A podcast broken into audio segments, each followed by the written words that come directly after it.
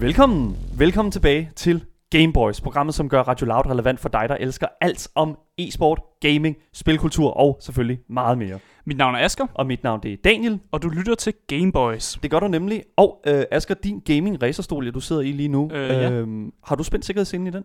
Øh, nej, nej, det tror jeg vist ikke. Du er ikke jeg spændt? Har, Okay, nej, nej, nej. Jeg, Jeg- ej, du behøver altså ikke hjælpe mig. Nej, men jeg, jeg, kan, jeg kan altså godt selv. Jeg. Ja, okay, den er klikket i nu. Sådan der. Godt. Og så er jeg, også, jeg spænder også lige mig fast her. Sådan. De to sekunder. Sådan der. Godt. Øh, så ja. er vi nemlig spændt. Nå, men Asger, det er vigtigt at være spændt fast, fordi at i den løbet af de næste 55 minutter, der skal du og jeg altså lige føre de her loud-lyttere med igennem et altså virvar af vanvittigt mange forskellige gaming-relaterede ting. Øhm, fordi vi skal nemlig i dagens program kigge nærmere på et spil, som vi faktisk anbefalede i sidste uge, nemlig Vermintide 2. Uh, I den her uges review, der kommer vi altså som altid ind på uh, alt, vi synes var fedt ved det her spil. Uh, også de her ting, som vi ikke synes var så fedt. Og selvfølgelig mm. alt, som er midt imellem uh, det her spil her. Ja, og så udover det, så bliver I jo selvfølgelig heller ikke snydt for hvor lige at få ugens øh, spilanbefalinger med ind i weekenden til lidt ekstra indhold, øh, hvis I nu skulle stå og, mangle nogle spil. Asger, er du sikker på, at du er spændt fast? Øh, jamen, du, det var dig, der klikkede mig i. Så Okay. ja, ja det, det, det er. Det ser rigtigt ud. Ja. Velkommen til Gameboys.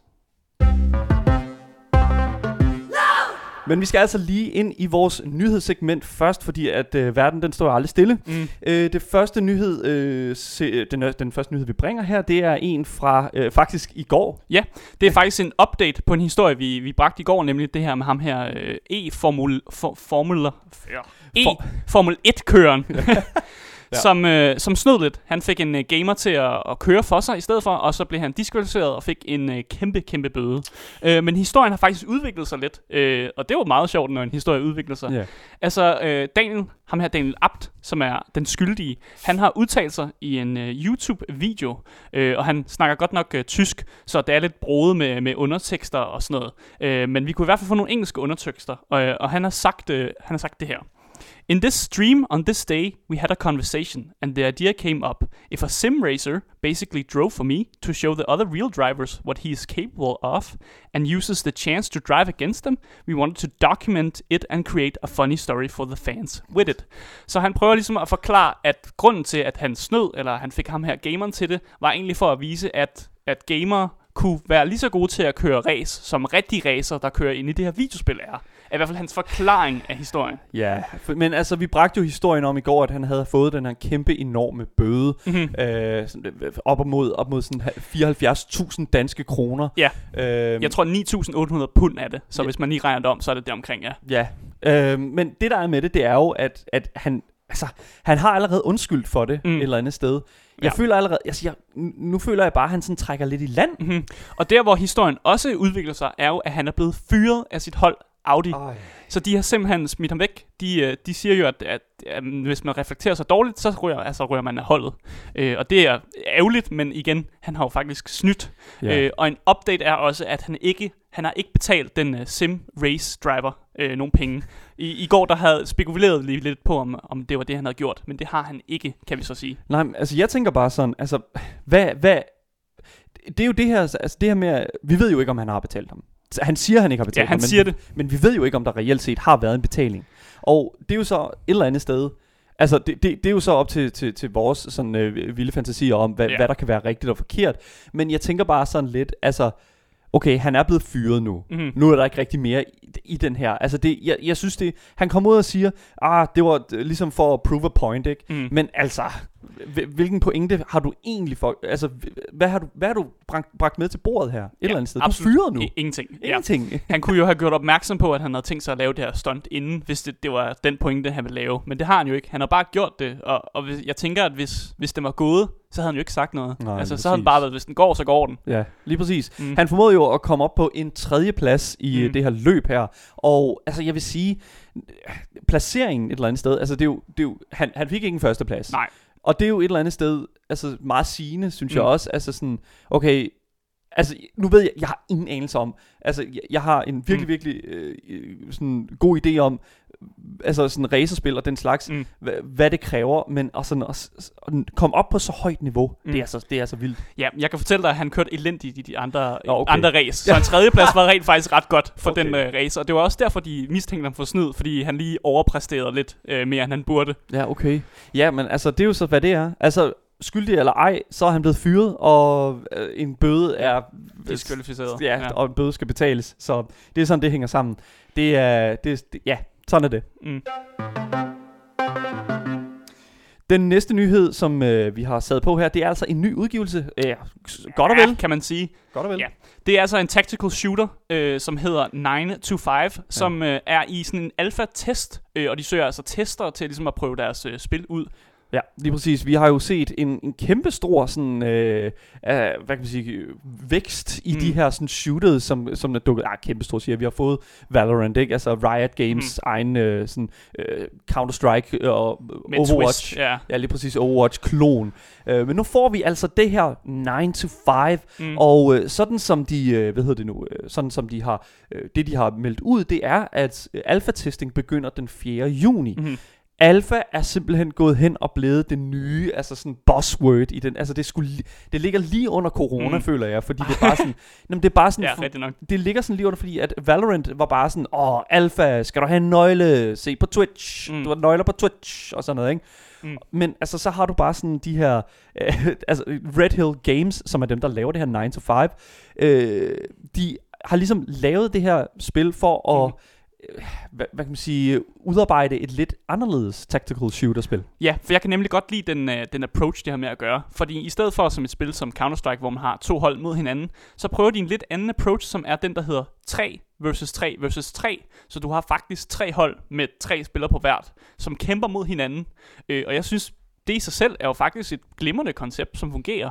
Øh, og i videoerne, som man kan se, så ser man, at det ligner lidt en, en Rainbow Siege-agtigt, men stadig blandet med det her Counter-Strike-agtigt øh, team, teamplay. Og man render rundt i de her bygninger, som også godt kunne ligne noget fra et øh, Battle Royale-spil. Ja, lige præcis. Jeg, jeg ved ikke, jeg synes, at når jeg sådan, øh, da jeg så den her gameplay-video, som blev, Mm. mm. blev, blev lagt ud af Red Hill Games, så det vi ser jo, det er, at vi ser de her tre hold af tre spillere. Ja. Og for mig, så virker det her virkelig som om, at de har taget konceptet af et Battle Royale.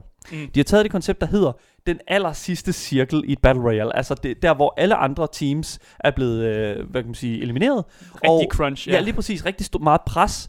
Og så sat øh, de her sådan, øh, sat de her resterende hold op mod hinanden i den her sådan lille arena, Mm. som øh, i et Battle Royale-spil er jo sådan konsekvenserne af at være det sidste. Mm. Men det der er med det, det er jo så, at de har valgt at, altså, og, og, og ligesom at lave det her spil til et, altså, det, det er jo meget, du, du, vi snakker om det tidligere, Mm. sådan et, i faser. Ja. Det er, sådan, det er lavet i faser, og vi, vi er sådan lidt sådan uforstående. Hvad, hvad er det, det går ud på, det her? Altså, de, de, de forklarer det heller ikke særlig godt, hvad det går ud på med de her faser, men vi ved altså, at der er tre faser, øh, og så er der ligesom et forskelligt setup i de her faser, og vi ved, at øh, det, man gør i fase 1, det har altså konsekvens for det, man gør i fase 3, men vi ved altså ikke på hvilken måde, og, og, og hvordan det er. Vi kender ikke konsekvenserne. og, men altså, for mig der lyder det som, hvis det er sådan, at de, de tager en, øh, øh, det her format med, med for eksempel Counter-Strike og den slags, Mm. altså så virker det jo på mig som om, at vi at vi ser en meget sådan, øh, okay, så det gik ikke så godt i fase 1, Mm. men så får de måske nogle andre muligheder i fase 2, og det er jo for eksempel ligesom i Counter-Strike, hvis det er sådan, at Ja. du har tabt en runde, så har du færre penge, men så har du en måde, så har du det her med at køre øh, eco, Mm. med ikke at købe noget, men med at spille meget mere defensivt. Ja, jeg kunne godt spekulere i, at man, hvis man for eksempel er et tabende hold, man måske får en fordel i stedet for. Du. Ja. tænker jo meget Counter-Strike-mæssigt, men jeg tænker mere sådan, hvad vil være sjovt? Ja. Øh, og så derfor spekulerer jeg egentlig på, at man får en fordel. Måske får man et nice våben, eller man får lov at starte et, sådan et, et godt sted at starte på mappet, for eksempel op på en bygning måske, eller sådan noget. Så Ja. kan man beskytte den. Det er et spil lavet til at skal være, altså i, være i den øh, sådan, øh, competitive arena, føler jeg. Ja. Men det, der øh, kommer til at være svært for dem, det er at inkorporere det her tre, timer, tre teams, i stedet for de her normalt Mm. to mod to hold. Fordi det er jo sådan, tactical shooters er i Valorant, Overwatch, Counter-Strike, altså Mm. alting. Det er altså bare svært at inkorporere det på den måde, fordi det er svært at følge med i. Mm-hmm. Men en ting, som jeg også er ret virkelig glad for, øh, som de siger, de har, det er, at et spil tager 15 minutter, ja. Ja. og det synes jeg er perfekt. Øh, vi sad og snakkede om, hvor lang tid et Counter-Strike-spil tager, og der snakker vi om, det tog cirka den der halv time. Hvis man er rigtig god, så kan Mm. man gøre det på 20 minutter. Øh, og jeg synes faktisk, det er fedt, at de tager den approach, at de prøver at limit, hvor lang tid det tager, fordi nogle folk gider ikke at committe en halv time på et spil. Nej, men det er også Øh, lang tid. Ja, det er det. Det er så lang 15 tid. minutter er bare bedre for mig personligt, vil jeg også sige. Jeg har lige en sidste ting her, fordi at da jeg sad og så øh, den her sådan, gameplay-trailer, mm. øh, som jeg gerne lige vil spille et lille klip fra, der øh, bed jeg mærke i noget, og nu spiller jeg det lige øh, for, og sådan, og for, for lytterne, for at se, om, om, om I lige kan, kan se det også. Noget, som virkelig irriterede mig. Her kommer det. Mm. Okay, I'm gonna check the street. I think we should get rooftop one and then progress to the drug den. I'm getting the intel in the street. Good job. I will go upstairs to the main street and pick one more there. Yeah, be careful. Folks on the Det, der irriterer mig rigtig meget her, og jeg ved ikke, om det irriterer jer, det er, når en udvikler øh, giver noget gameplay, mm. og at der så er den her sådan tactical speak ind over, mm. for ligesom at at sådan sige, okay, man kan være taktisk og sådan noget. Men det virker, uanset hvor gode øh, sådan, øh, de der actors er, så føler jeg altid, at det bare falder mega meget til jorden, fordi det bare sådan, det føles bare så falskt. Mm. Og det, altså heldigvis er de en lille smule bedre, end de var i for eksempel Division 2, øh, og Uha. den trailer, der kom ud der. Men det var altså virkelig, øh, hvad hedder det nu, øh, altså det, det føles bare lidt underligt, når Mm. det er et alfaspil, der ikke har været ude i særlig lang tid, og så at de her mennesker her skulle være så raffine, altså rutineret i, hvor alting ligger henne. Det var vores nyhedssegment for i dag. Du lytter, lytter til Gameboys her på Radio Loud med mig, Daniel. Og mig, Asker. Det vi skal ind i nu, det er altså øh, et segment, som ligger mig rigtig, rigtig tæt. Også mig. Ja, ved mit hjerte. Det er nemlig vores ugentlige review. Hver uge så sætter Asker og jeg selv, altså øh, vi sætter os ned og med et spil, som vi synes kunne være interessant, og ligesom at give jer lytter vores meninger om, øh, nyt som gammelt. Og i dag er, det altså, er vi altså virkelig glade for at have altså intet ringer end øh, Warhammer Vermintide 2 under luppen.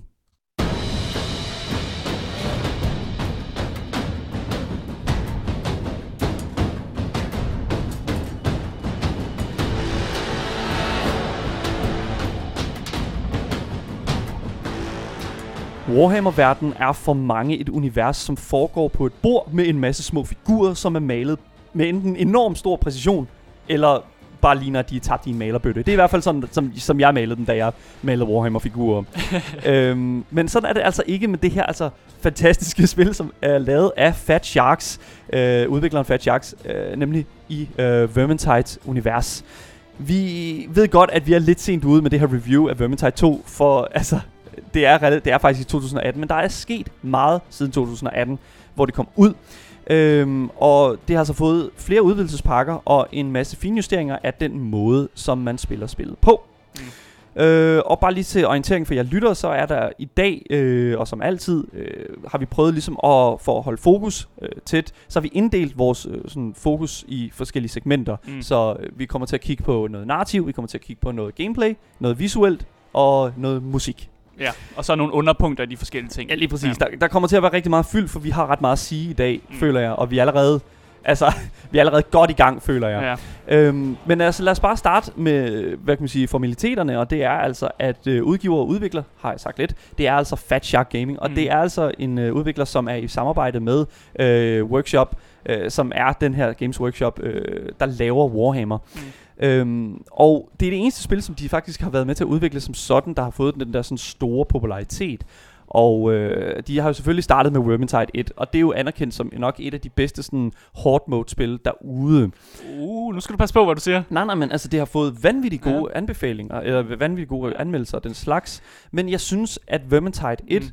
altså det rammer ikke helt den samme note, men det er der henad, og det kommer vi selvfølgelig meget mere ind i. Genren, det er altså hard mode, og det skal vi nok også komme ind i, hvad, hvad fanden det betyder. Men hard mode er jo sådan, i korte træk, øh, dig mod en hel masse fjender. Øh, og det skaber jo en masse action, Mm. mm. og det er jo et eller andet sted, det Pres som... og panik. Ja, pres og panik, og det er jo det, som spillet går ud på. Det, det også går ud på, det er altså, at du spiller som en af de her fem karakterer, med hver deres sådan, tre underklasser. Det allerede nu føler jeg sådan, at vi er på øh, sådan en gyngende grund, fordi det er altså en lille smule... Øh, altså det er vanvittigt. Der er rigtig, rigtig mange øh, sådan classes øh, mm. og mange valgmuligheder af karakterer, du kan spille som i det her spil. Øh, og de kan alle sammen øh, en lille, altså har alle sammen en, en, en, en masse forskellige måder at gå, gribe sådan, øh, situationer an på. Mm. Øhm, du har elveren, som er rigtig god med bue og pil, og så har du dværgen, øh, som for eksempel kan bruge en rigtig boomstick af en shotgun, og så har du witchhunteren, som er virkelig dygtig i kamp med altså sådan nærmest alle de fjender, han møder. Mm. Så har du krigeren, som øh, booster øh, alle de andres angreb og damage, altså sådan, hvad kan man sige, øh, ligesom Giver dem mere skade. Ja, lige præcis. Ja. Ja. Og så til sidst så har vi den her sådan vanvittige ildmagiker, som på samme måde som flammekaster kan sådan spy kæmpe, kæmpe store mængder af ild. Øh, ja, kan du ikke øh, fortælle, hvilken karakter du, øh, du spillede, da vi spillede? Det kan jeg sagtens. Ja. Øh, den karakter, som jeg ligesom gik med, kan, kan jeg huske, det var den her sådan... Øh, øh, elver. Jeg Ja. elsker burpil. Jeg elsker simpelthen bare altså sådan, den der sådan hurtige ind og ud. Zip, zip, ikke? Altså mm. daggers og stealth og øh, sådan det der med at kan clear sådan hele fjender på en gang. Det er vanvittigt. Hvad med Mhm. dig? Jeg kørte med øh, dværgen. øh, og det kan godt være lidt sjovt, når jeg er en to meter høj mand, som så vælger dværgen. Øh, og det blev der også kommenteret meget på, at det var lidt komisk. Øh, men det var simpelthen fordi, at jeg, kunne- jeg kunne godt lide den, øh, den måde, han var fremstillet. Han havde en, øh, en crossbow, men han havde altså også den her kæmpe store mugger. Ja, det er en ordentlig øh, mukker, han og der. jeg kan godt lide store muggerter, øh, og så var det fede også med, at man kunne give ham en shotgun. Øh, så selvfølgelig skulle han have muggerten og shotgunnen. Men så sammen, så skal I så igennem de her massive mængder af de her sådan øh, ork-lignende ting, de, de hedder noget andet.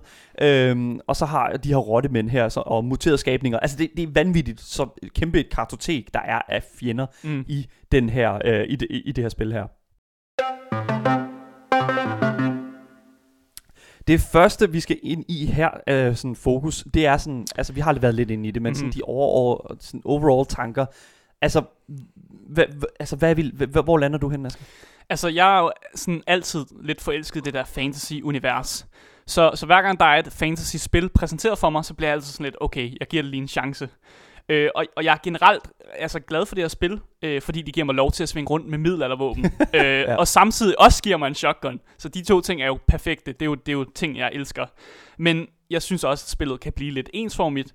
Øh, og så synes jeg måske også kun, det er sjovt for mig, hvis jeg er sammen med nogle venner. Mm. Altså, det er ikke et spil, jeg vil hoppe ind i alene. Øh, og det er kun sjovt, fordi vi har også den der banter, mens vi sidder og spiller selvfølgelig. Præcis. Og det der med kammeratskabet, kan man sige. Altså, jeg er personligt forelsket i Warhammer-universet. Jeg har altid elsket det, og det, det, når jeg siger Warhammer, der er jo to universer her. Mm-hmm. Du har et fantasy-univers med orker, og, eller ikke orker, men altså med, med deres svar på orker, og øh, altså sådan, du ved, øh, trylleri og alt den slags. Mm. Og så har du det, der foregår ude i rummet, og øh, med, med øh, i fremtiden, ja. super, og det, der så det hedder Warhammer 40.000. Det har aldrig været min kop te.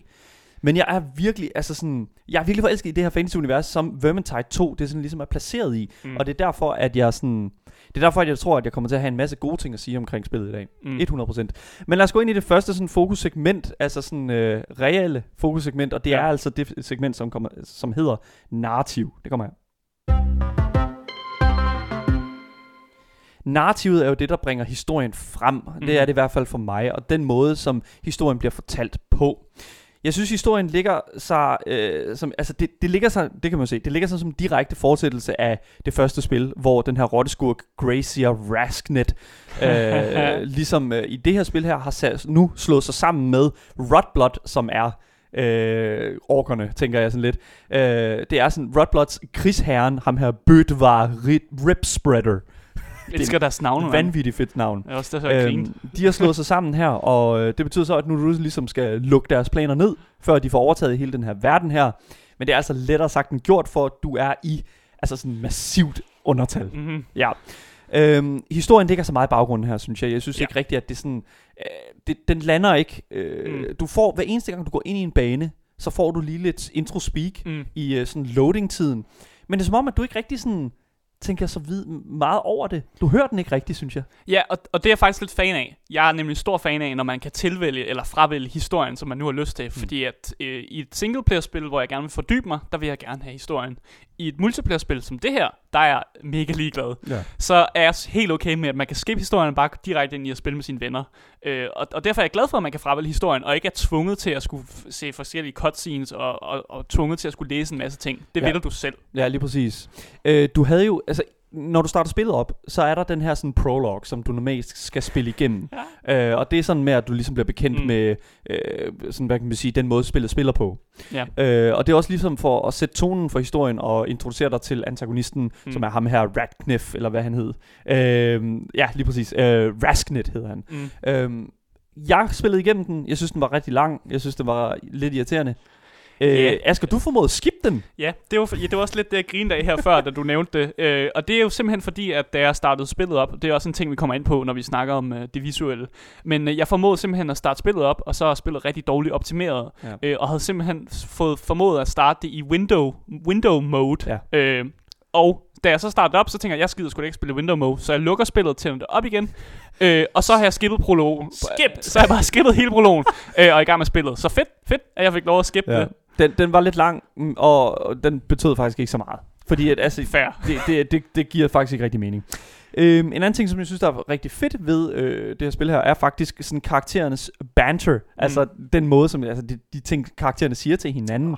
Øhm, det er utroligt charmerende, og jeg synes ikke, at det er blevet irriterende endnu at lytte til. Det er tit sådan en ting, som jeg, jeg går hen og bliver ret irriteret over. Det var blandt andet sådan noget, som for eksempel, øh, jeg følte rigtig meget i Apex Legends, Mm. øh, det her Battle Royale-spil, hvor at de her karakterer havde den her banter, men det var meget det samme. Ja, det er det samme. Jeg, jeg er også ikke fan af, når, når voice linesene er de samme. Altså ensformighed er nederen. Men hver gang at voice linesene er unikke, så, så synes jeg, det er fedt. Og så igen ham her dværgen, man spiller som. Han har altså nogle fede voice lines. Han er virkelig god til det her uh, friendly banter. ja, lige præcis. Mm. Øhm, jeg vil sige, det, det minder mig meget omkring den måde, som for eksempel Gimli og Legolas, Ja. de, de banter, altså fra, fra Ringenes Herre, at de sådan, mens de er i gang med at slå alle de her ihjel, alle de her orker, og Mm. de, den her kæmpe store elefant også, counts as one. Øh, ikke? Altså, det, er Mm. sådan, det, det minder mig rigtig meget om sådan, den der banter, fordi det kommer også imens du slåsser, Mm. hvilket jeg synes er meget imponerende. Jamen, jeg synes også, det er mega ne- imponerende, at de kan være så chill omkring, at de, de lige er i gang med at blive angrebet af sådan 20 rotte mennesker. Så imens, at, at de bare bliver angrebet af dem, så er de bare sådan, øh, Nå, men, øh, hvordan går det med dig? Og så var sådan, Nå, men det går helt fint herover. og jeg står bare og slår på den her rottemand, Ja. øh, og står og ødelægger hans hjerne. Nå, fint, cool.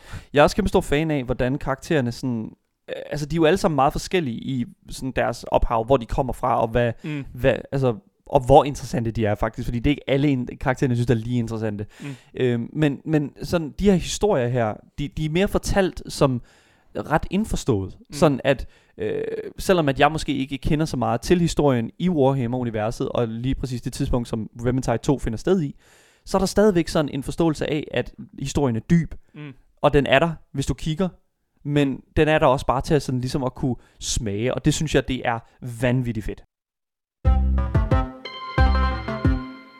Det næste fokuspunkt, vi skal kigge på her, det er altså for mig nok det vigtigste. Ja, gameplay. Gameplay. Mm. Gameplay er jo rigtig, rigtig mange ting. Det er combat, det er movement, det er loot, det er level design, det er alt muligt. Mm. Øh, og det er der vanvittigt meget af i Vermintide 2. Og jeg er faktisk sådan øh, overall ret øh, tilfreds.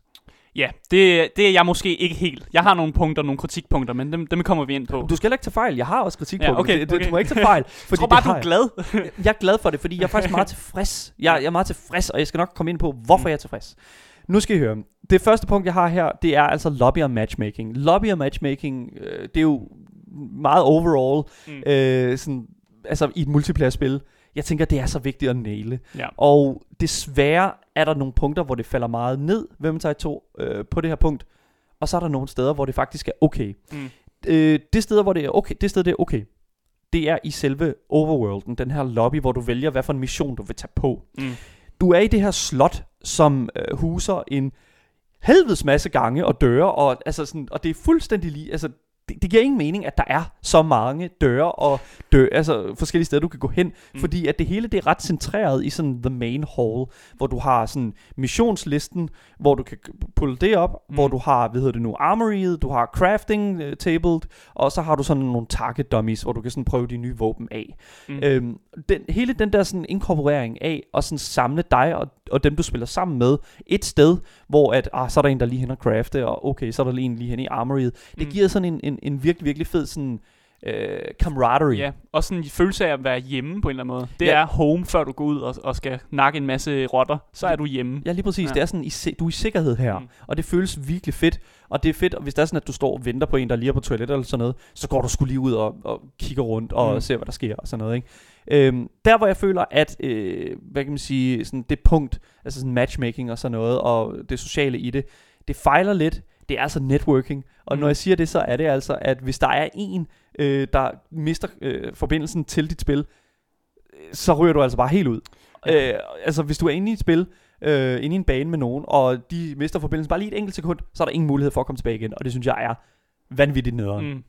Noget andet, som jeg synes, der lige, øh, hvad hedder det nu, øh, er super fedt i det her spil faktisk, det er crafting. Mm-hmm. Ja, nemlig fordi jeg, jeg er faktisk ret glad for den her crafting-ting, man har. Fordi i tilfælde af, at du er ude på din quest, øh, og du får nogle våben, du måske ikke er så glad for, så kan du bare crafte en anden type våben. Og, og det var også en ting, jeg gjorde i spillet. Fordi at, øh, som sagt, jeg kan godt lide store muggerter, øh, og jeg kørte jo min store muggert i starten. Så fik jeg øh, et skjold og en, øh, og en økse, og så tænkte jeg, okay, nu prøver jeg lige den, fordi den er bedre end min muggert, hvorfor ikke øh, prøve det her våben i en bane. Så jeg prøvede det våben, og så blev jeg sådan lidt, det er ikke mig det her, fordi det, det, den type spil, man skal, er, at man skal meget forsvare sig selv, og det gider jeg ikke. Mm. Så i stedet for kigge ud og craftede en muggert, som var bedre end det våben, jeg havde, og Ja. derfor var det fedt, at jeg kunne gøre det, så den type spiller, jeg nu er, kunne matche det, jeg gerne vil have af våben. Ja, jeg synes, at crafting i det her spil fungerer vanvittigt godt, fordi du kommer ud, du får de her chests, det skal vi nok også komme ind på, Uha. med en masse loot i. Mm. Og det der er med det, det er, at øh, alt det loot, som du får, det er jo ikke altid, du kan bruge det. Og du kan så salvage det. Du kan lave det om til scrap, som du kan bruge til at lave andre våben med. Mm. Og det system, det fungerer vanvittigt godt. Fordi du kan måske få noget loot, som du ikke kan bruge, og så Mm. kan du lave det om til noget, som du ved, du kan bruge. Ja. Og det synes jeg bare er mega nice. Altså det er virkelig, øh, virkelig godt udtænkt, og det fungerer rigtig godt. En anden ting, som jeg synes fungerer okay i det Mm. her spil, det er combat. Asger, combat, hvor er du? Jeg synes, det er enormt ensformigt. Her, her, her er, det, er det både det bedste ved spillet, men også det værste ved spillet, så jeg er meget splittet på det her punkt. Øh, som sagt, det er enormt ensformigt, fordi man laver det samme. Man, man hugger igennem de her øh, hårder af enemies. Øh, og, og det er jo godt og dårligt, for jeg kan godt lide den her tankeløs nedslagning, hvor man bare kan slå hjernen fra og bare gå amok med et eller andet våben, og Mm. mm. ikke, altså man skal ikke tænke sig om. Men på et eller andet tidspunkt, så, det, så står man op, og så er man bare sådan lidt, hvad, hvad er det egentlig, jeg laver? Altså, Ja. man slår hjernen til på et tidspunkt, så er man sådan lidt, er det ikke bare det samme, jeg har lavet i en time nu? Jeg har bare hugget igennem dem her. Og det synes jeg måske ikke er så fedt. Til gengæld så synes jeg, det er fedt, at der er så mange våben og karakterer, altså underkarakterer af den karakter, du er, man kan vælge imellem. Så på den måde kan du hele tiden sådan mix op dit gameplay. For eksempel, hvis jeg nu havde lyst til ikke at rende rundt med en muggert og en shotgun, så kunne jeg måske tage en crossbow og tage et mere defensivt våben, så jeg mere var sådan en person, der måske skød langt væk fra, og så når folk kom tæt på, så var jeg mere defensiv. Og det, Det- synes jeg er fedt. det skal også siges, at det, de her øh, hvad kan man sige, underkarakterer, som man kan vælge, det er jo, at de alle sammen har en passiv, eller de har mm. Mm. en, en aktiv ability, som de kan bruge. Øh, den elver, som jeg plejer at spille, øh, hun har en aktiv ability, hvor hun kan skyde flere pile af, og så skyder de imellem alle de her øh, forskellige, øh, Mm. altså alle de her fjender her, der er jo tit og ofte sådan 50 fjender foran dig. Så skyder hun den her pil af, og så er de bare alle sammen døde. Mm. Det synes jeg er vanvittigt fedt, og det, fu- det fungerer bare vanvittigt godt. Og så er der alle de her andre characters, som bare har sådan, der er en, der, øh, dværgen kan også kaste sådan en smoke-granat, tror jeg vist nok. Ja, øh, hans ability er, at han kaster en granat, og så bliver han sådan usynlig, ja. øh, og så kan han gå lidt væk, og, og så skyde fjenden, fordi hans øh, passive ability gør, at han kan lade sit skydevåben meget hurtigere, og Ja. derfor så passer det meget godt sammen med det. Jeg synes overall, at combat er okay. For hvad det er. Ja. Der er ikke sådan det helt store innovering her, altså øh, innovation i hvordan mm. combat, øh, altså det er virkelig bare øh, shoot your way through. Og det er okay. Det Mm. fungerer okay, fordi at det føles fedt, når det virkelig, altså når det virkelig, altså skal være. Mm. Det næste sted her, det øh, næste punkt vi har her, det er altså loot, øhm, og hvordan bonus, ligesom eller de her, for eksempel de her kister, de fungerer. Ja. Fordi når du er færdig med et spil, så har du øh, formået at øh, tage nogle tomes, du har for, formået at finde en masse ting igennem banen, mm-hmm. Mhm. og, og slå en masse monster ihjel, som giver dig nogle ekstra point. Mm. Og det giver dig så en øh, kiste, som bliver opgraderet alt efter, hvor godt du klarede dig. Også hvor godt I klarede jer igennem hele det her spil. Ja, og det er også også der, hvor jeg har mit største kritikpunkt. Ja. Fordi at jeg, altså, jeg kunne nemt anlægge en treretters buffet, mens jeg sad og ventede på, at alle mine kister blev åbne. altså blev åbnet. Men, men så igen, det kunne jeg ikke, fordi jeg skal manuelt åbne ja. alle kisterne og trykke på itemsene. Så jeg kan ikke engang åbne kisterne og sådan gå væk fra min computer. Jeg skal sidde og trykke på alle fucking kister og Ja. alle itemsene. Det, det, det tager 10 minutter, når Ja. man har været inde i en bane og, og, og gå igennem den sådan manege. Ja. Det, er- det er så dumt. Og en ting, som der, der lige skal siges her, det er, at øh, inde i det her, inde den her lobby her, det her sådan hop, det er, at der er en anden bog. Øh, der er sådan en bog, hvor du kan gå hen og kigge, og det giver så der så en hel masse quests til de her sådan, øh, til, til de baner, du måske har spillet igennem et par gange. Og øh, når du klarer en quest, så får du en kiste. Og øh, det fandt jeg ud af meget sent. Jeg har ikke kigget i den her bog her, så da jeg gik hen til den bog her, mm. Så formåede jeg at få 15 kister. Hvor lang tid tog det at åbne 15 Det kister, tog Daniel? virkelig lang tid. Skal Fik du lavet en sandwich eller noget? Nej, det kan du ikke, for du må ikke forlade computeren. Det er et virkelig dårligt system. Det er Ja. ja. så vanvittigt dårligt. Men øh, igen, det Mm. spiller meget på den der sådan key loot crate øh, sådan forma- formalitet eller sådan aspekt, der er i mange spil i dag. Jamen, det hænger sammen med, at de vil gerne give dig det der dopamin rush, af at du føler, at du er lidt gambler, eller du føler, at du, åh, du vinder nu her. Men jeg føler ikke, at jeg vinder. Jeg føler, at jeg taber konstant, fordi jeg skal sidde med den, de her lootboxes. Så det, det giver mig ikke det her rush. Og, og der er andre spil, som godt kan finde ud af det. Der er et spil som Overwatch for eksempel. Når du får en lootbox, behøver du ikke engang at åbne den. Du får bare itemsene nogle gange. Altså, løs det sådan. Du kunne skippe animationen. Ja. Det, er det er så nemt at gøre det, men det har de så valgt ikke at gøre, og det er så derfor, at det er sådan et kæmpe stort kritikpunkt fra vores side. Mm. En ting, som jeg godt kan lide i forhold til øh, sådan, den måde, som loot øh, bliver fundet på, bonusser og den slags bliver, bliver inkorporeret i spillet, det er altså, at øh, der findes også puzzles, som er gemt meget væk fra den her lineære vej igennem Mm. mm. level designet. Jeg skal nok også komme ind på det, for vi skal nemlig også snakke om level design. Level designet er øh, en, en, en kæmpe, kæmpe stor del for mig, Mm. og, øh, men normalt er det meget lineært.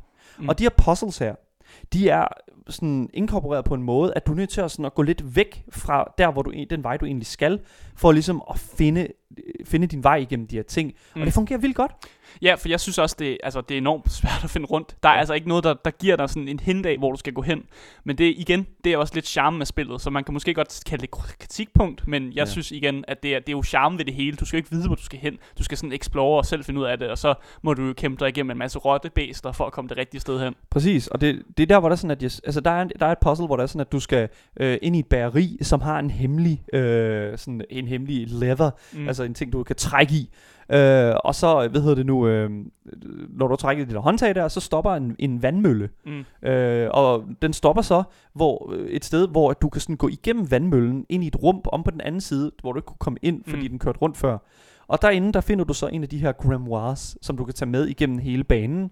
Og, men når du tager, samler den op, så får du mindre håb, max HP. Mm. Og det gør så jo, hvad kan man sige, det er der jo ligesom et lille ekstra, øh, hvad kan man sige, difficulty, sværhedsgrad til det, fordi at nu kan du ikke ligesom tage så, lige så mange slag, som du kunne førhen. Mm.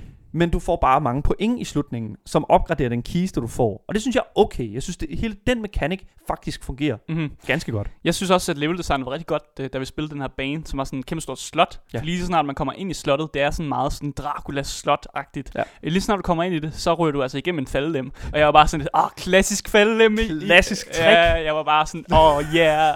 jeg synes, det var sjovt og sådan lidt, lidt quirky på en eller anden måde. Ja. Øh, så ja, jeg kunne godt lide leveldesignet i det. 100%. Jeg vil dog sige, at dynamikken har lidt problemer, for efter du har spillet de første sådan fem baner, Mm. så begynder det ligesom, at, altså, du, du danner dig ligesom det her rutinerede billede af, altså dynamikken er meget sådan, okay, slås, restock, sådan lige heal op igen, ja. slås, heal op igen, så kommer der en boss, så healer du lige op igen, så skal du slås den sidste gang, og så er du færdig.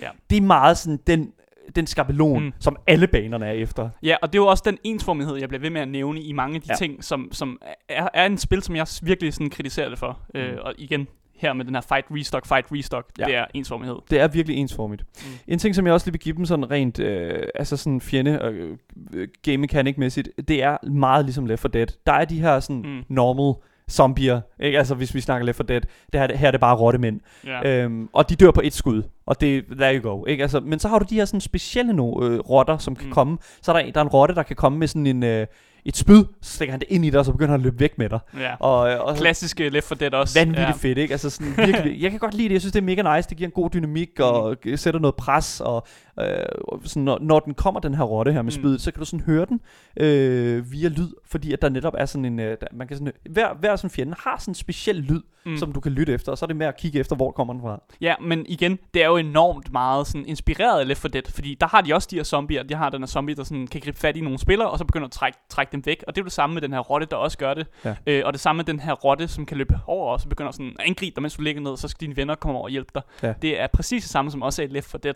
så jeg føler bare, at, at det er en ting, som de måske har stjålet lidt, eller i hvert fald blevet inspireret af. Ja, og det, men jeg synes, det er okay. Altså, jeg synes det faktisk, det fungerer rigtig fint Mm. i, øh, i det her format, fordi at der netop er øh, så mange af dem, og mange forskellige versioner af dem. Der er en uh, magiker, der kan komme, sådan en stor tyk magiker, der kan komme, så kaster han sådan en vivlvind mm. på jorden, og så flyver den rundt, og så suger den også op. og så flyver man rundt den der, og så bliver den bare ved, indtil der er nogen, der formår også sådan at slå ham der ihjel. Mm. Jeg, jeg ved ikke, jeg synes bare, der er en god sådan, øh, der, der er en god øh, sådan forskellighed i de Mm. her special enemies. Og øh, det, det gør faktisk også, øh, at bosserne er meget anderledes. Jeg synes, boss mechanics... Altså nu snakker vi jo lidt omkring sådan øh, combat og den slags, men mm. boss mechanics, der er bare... Altså sådan...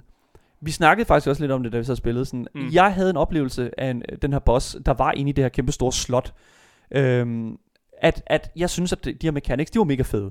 Jeg synes, det mindede mig meget om en uh, Dark Souls boss øh, på mange måder, som uh, sådan du ved med, at man skal sådan, der er et pattern, der er uh, nogle ting, den her, du skal holde øje med, som den her boss gør. Øhm, og så er det sådan set bare med at, sådan at bruge rummet til din fordel. Det synes jeg fungerede sindssygt godt. Ja, du kan også bare godt lide at smide rundt og kalde alle spil for Dark Souls-like, øh, vil jeg sige. Men jeg synes overhovedet ikke, det var Dark Souls-like. Jeg følte bare, det var ligesom altså et normalt andet spil, hvor bossen egentlig bare... Altså, der, der er ting, som fortæller dig, hvor bossen angriber, og det gør de ved, at der er dele af platformen, du står på, som lyser op. Ja. Og når den lyser op, så ved man, okay, det er der, bliver angrebet, og så flytter du dig væk derfra. Ja. Altså klassisk game mechanic. Jeg synes ikke, den er innovativ på den, den front. Men i den her situation, der kunne det jo ikke, fordi at han netop øh, stunner dig. Han, kan, han har et stun. Han har en masse forskellige øh, rotte øh, mennesker, der kommer ud for at, Mm. at banke dig. Så det er ikke altid, du kan befinde dig præcis det sted, du gerne vil. Og for lige at pointere, så var jeg altså den, der lavede The Killing Blow på den boss. Og det, Wow, okay, så det- tager du bare kredit, kredit for det, eller hvad? Som om jeg ikke har stået og skudt på den med min shotgun i 45 år, altså. ja, det var en lidt lang, øh, lang kamp. Men det, det, altså, jeg vil sige, jeg synes, at det er et element af, af det spil, som, vir, altså, spillet, Ja. som virkelig fungerer rigtig fint. Og det er også derfor, at jeg synes, at gameplay overall faktisk har en masse gode aspekter i sig. Det næste fokussegment, vi har her på, det er det visuelle. Mm. Hvordan spillet introducerer sig selv foran dine øjne på skærmen.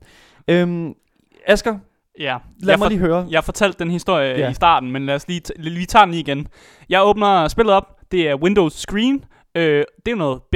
Det gider jeg ikke at have. Jeg går ud af spillet for at optimere det. Og så da jeg kommer ind igen, så den skippet pro, altså pro, øh, prologen, øh, hvilket er fedt, fordi jeg gad, jeg gad ikke at høre den, eller gad ikke at spille den alligevel. så mega win for mig, men hvis man gerne vil spille den, og gerne lige komme ind i spillet, så er det da ærgerligt, at man så skal til at gå ind i den igen, og ikke kan pick op der, hvor man faktisk gik ud af spillet. Jeg har en tragisk historie. Åh oh, nej. Er Min... Tra- mere tragisk end min? ja, det er det. Min ven Mikkel, Ja. min gode ven Mikkel, øh, han øh, købte spillet. Og det gjorde han på min opfordring, fordi at, øh, Mm. jeg vil gerne spille med nogen. Og øh, han formår at købe spillet, og kommer selvfølgelig stået ind i alle de her problemer, som du sidder og taler om nu. Mm. Og han formåede aldrig at få det optimeret, øh, altså efter hans computer.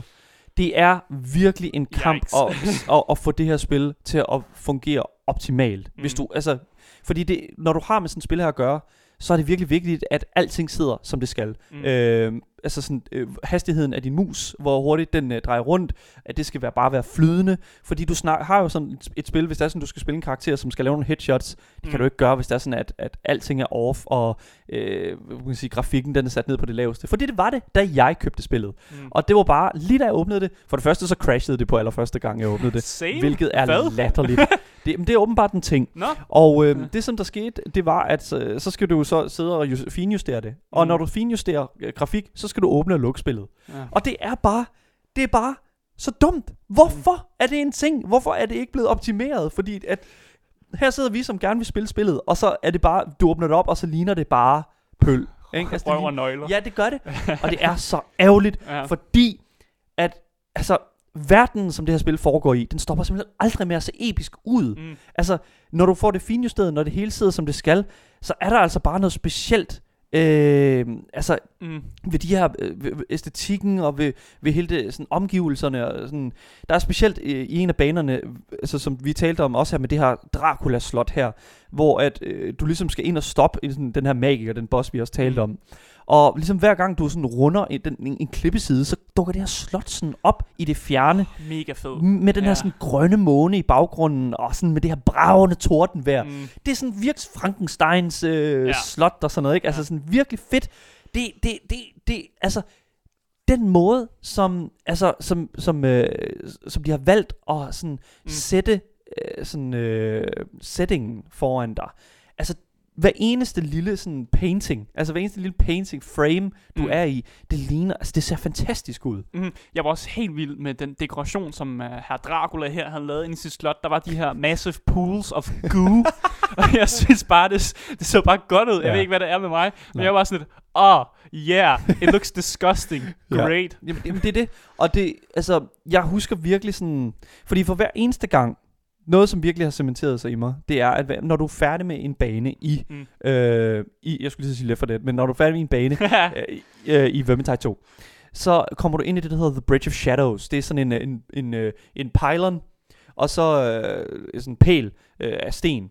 Og så øh, er der sådan en, en, en blå boble, der sådan kommer ud fra den pæl, mm. som du skal stå inde i. Og når alle er inde i den, så, så kan I sådan stoppe. Så er I, så er I færdige med banen, ikke? Mm.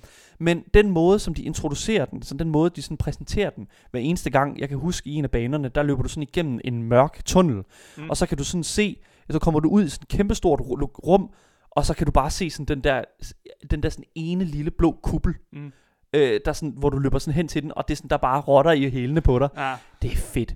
Det er jo vanvittigt nice. Altså, de forstår sådan den der sådan pacing, den der dynamik, og den der dybde, mm. som den her verden skal kunne indeholde. Og det er altså bare, lige når du kommer forbi alle de der sådan grafikproblemer, Mm. så er det altså bare lige skabet for mig. Mm. Jeg ved ikke med dig. Jo, altså jeg, jeg er enig i, at når man fik optimeret det ordentligt, så så det altså også pissegodt ud. Og, og især, ja. jeg, jeg kan snakke øh, altså guld og grønne skov om det her Dracula-slot, fordi jeg var mega, mega stor fan af Ja, det. lige præcis. Øh, og så ser fjenderne altså også, de ser, de ser godt ud. ja, ja, 100 procent. Mm. Mm. Du har jo bare de her fjender her, som et eller andet sted er så forskellige. Mm. Og har så meget sådan... Klamhed i sig. Ja, lige præcis. Altså, de er virkelig, virkelig... Der er som... Altså, Mm. du, altså, du har alle de her rotter her, som kommer tonsende imod dig. Og så har de er alle sammen de her sådan små forskelligheder, Mm. som ligesom adskiller dem fra hinanden. Og alle de her special øh, enemies, som vi også snakker om før, altså de ser alle sammen meget forskellige ud. Mm. Så du er ikke i tvivl om, hvilken situation du er i, fordi at altså, du kan bare se det for dig. Du Mm. ved, hvad for nogle fjender du skal fokusere på, fordi de ser sådan her ud. Mm. Vanvittigt fedt. Altså, det visuelle er et kæmpe plus fra min side af. Mm. Det næste fokuspunkt her, og vi er altså imod slutningen her, vi er i gang med vores øh, review her mm. af øh, Vermintide 2. Soundtracket er meget anonymt. Jeg, Ja. jeg, jeg, jeg tror ikke, jeg vil kunne kende altså, musikken, øh, genkende den mm. uden, og sådan, altså, uden for spillet. Ja, en af de ting, som jeg også altid bider mærke i, når jeg lytter til musik i videospil, det er sådan, okay, når jeg er færdig med det her spil, vil jeg så kunne nynne sangen, eller bare kunne afspille den i mit hoved bagefter. Øh, og musikken i det her spil, det kan jeg simpelthen ikke. Øh, Nej. Den er så bland, at det, jeg vil ikke kunne nynne den for dig lige nu. Nu kommer vi til at høre den her lige om lidt, men øh, bagefter kan jeg måske nynne den.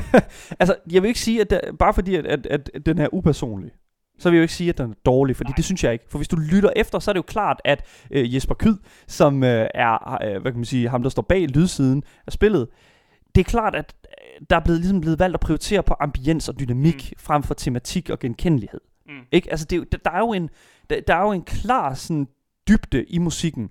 Øh, men nu skal vi nok lade være med at, at snakke mere om det, uden at I også har hørt det. F- øhm, fordi man kan specielt høre det på det her nummer, som hedder Sneaking Inside the Scavern Camp. Og øh, det kommer altså her.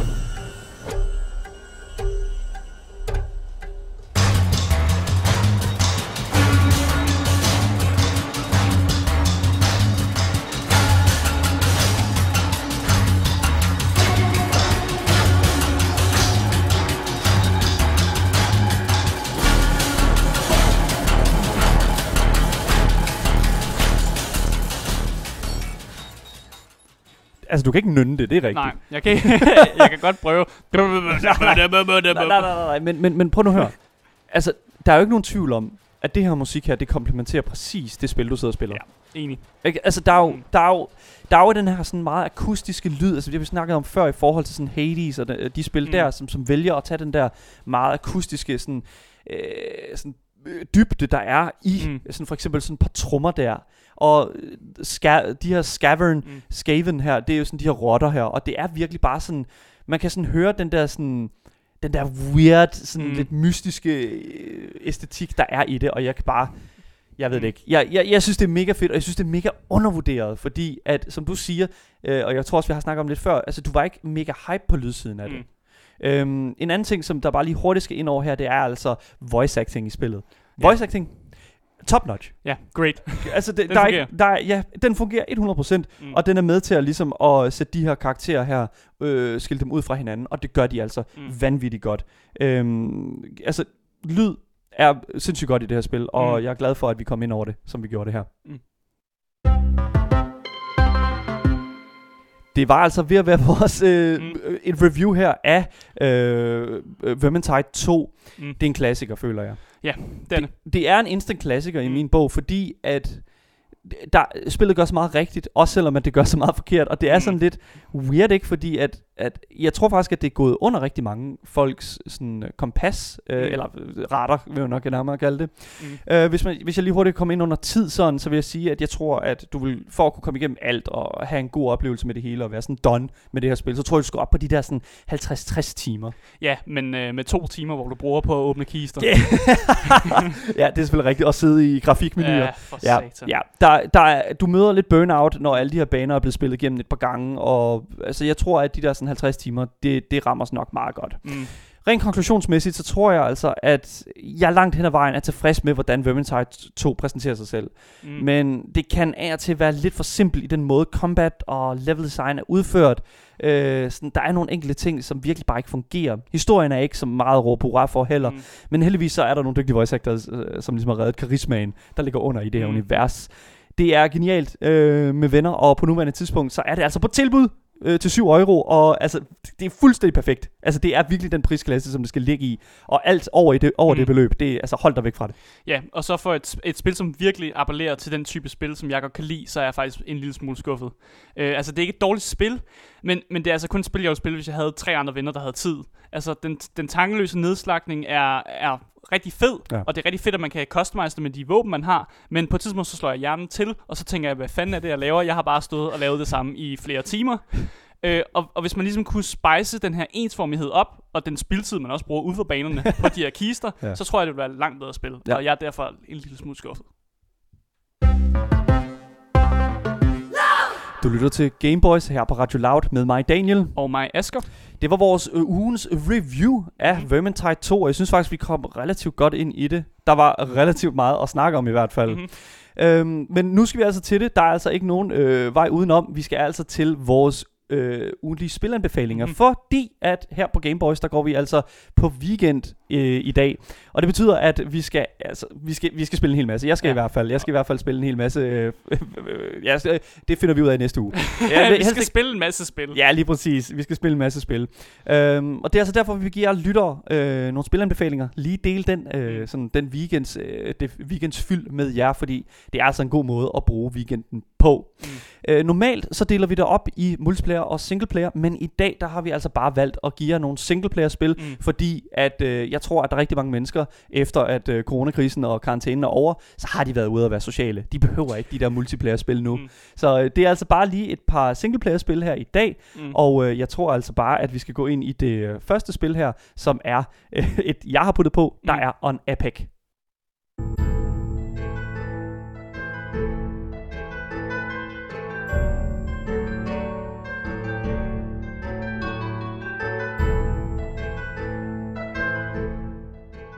Det her spil handler om en fyr, der hedder Daniel. Så mange Daniel. Endnu en gang. Ja, Daniel han er bare en helt almindelig fyr, og øh, han er en fantastisk videospiller. Han øh, elsker videospil. Kæmpe stor sci-fi fan, og øh, Er sige, det dig? det, jeg, jeg skulle tro, det var mig, ikke? øhm, og han er en novice RPG-spiller. Mm. Øhm, og midt i øh, en, øh, hvad, hvad kan man sige, intens omgang, øh, hvad kan man sige, Dungeons and Dragons, øh, så øh, går han på toilet. Og når han kommer ud, på toilet, ud fra toilettet, så er han inde i et RPG-spil. Det er præmissen for det her spil. Øh, On Epic er det her spil, som øh, simpelthen bare har... Altså, det har vanvittigt mange fede aspekter til sig. Mm. Du har det hele det her øh, RPG 2D platform aspekt, altså det det det der det det, det, det vi er i. Øh, men det er ligesom øh, lidt som om at On Epic vælger at påtage sig sådan en rolle som øh, faktisk en, en et roguelike spil. Mm. Men det er det faktisk sådan ikke rigtigt. Øh, det føles i hvert fald ikke super roguelike-agtigt. Det er sådan lidt, det er mere et RPG Mm. øh, sådan i, i indie-format. Øhm, du har 200 rum, øh, rum til at, ligesom at explore. Nu læser jeg bare op fra Steam-siden her, øh, fordi det står faktisk meget godt her. Du har 200 rum, du skal igennem. Du har 70 spells, du kan lære, og så har du de her sådan 100 forskellige våben, du kan bruge. Mm. Og de har alle sammen forskellige stats, forskellige effekter, og det er, det er faktisk virkelig fedt, fordi at der er virkelig meget dybde i spillet.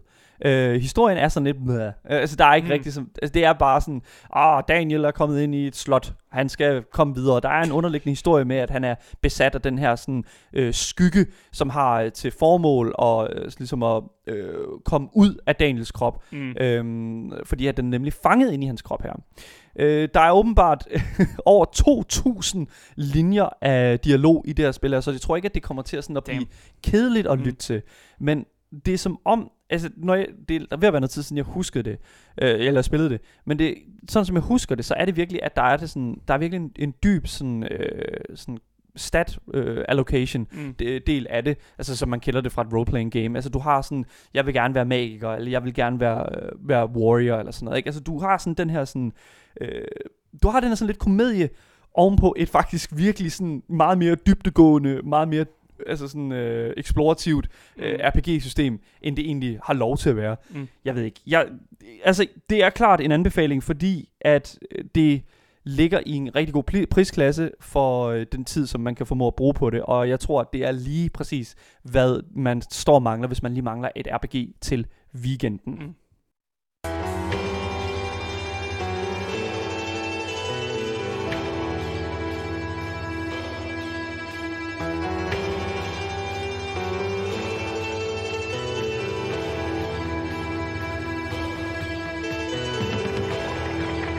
Disco Elysium.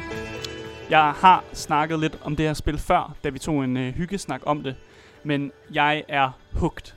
Det er altså det her meget unikke detektivspil, som jeg ikke har rigtig har set før, været gen, altså blevet gengivet i et andet spil. Altså, du vågner op på et hotelværelse, og du har haft en hård aften dagen før.